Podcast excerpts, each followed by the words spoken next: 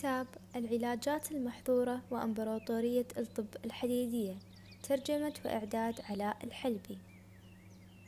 مقدمة عصر العلم والمعرفة والتنور في زمن التلوث بالمرض والانحطاط. نحن نعيش في عصر العجائب. لقد جعلت الإلكترونيات عالمنا عبارة عن قرية صغيرة وجعلنا التلسكوب هوبل قادرين على الرؤية بعيدا حتى تلامس حدود بداية الزمن. نستطيع تحديد أي موقع نريده على الأرض عبر شبكة من الأقمار الصناعية.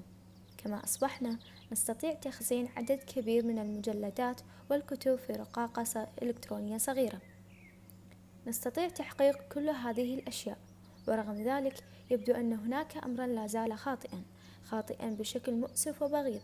لا زلنا حتى الآن نلوث كوكبنا الرائع بمخلفات صناعتنا الكيماوية والبترولية. سالبين بيئتنا من مجد طبيعتها التي تحضننا.